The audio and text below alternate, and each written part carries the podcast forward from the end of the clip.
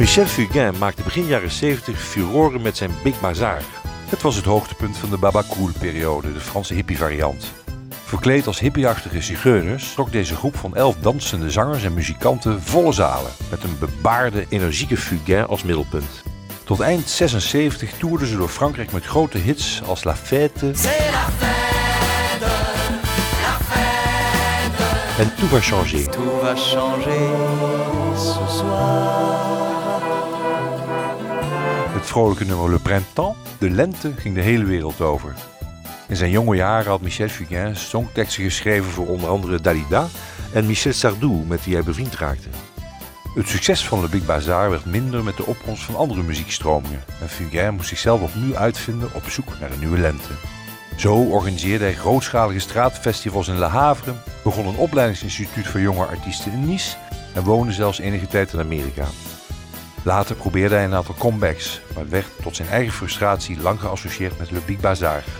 Zijn muzikale talent was echter onbetwist. Wat te denken van Viva la Vida?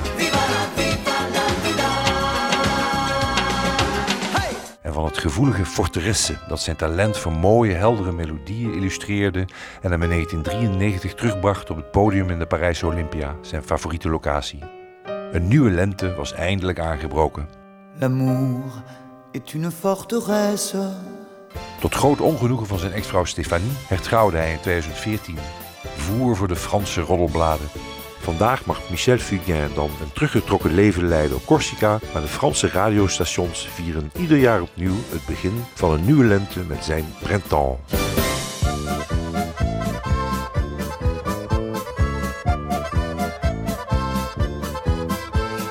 Le printemps est arrivé sur ta maison.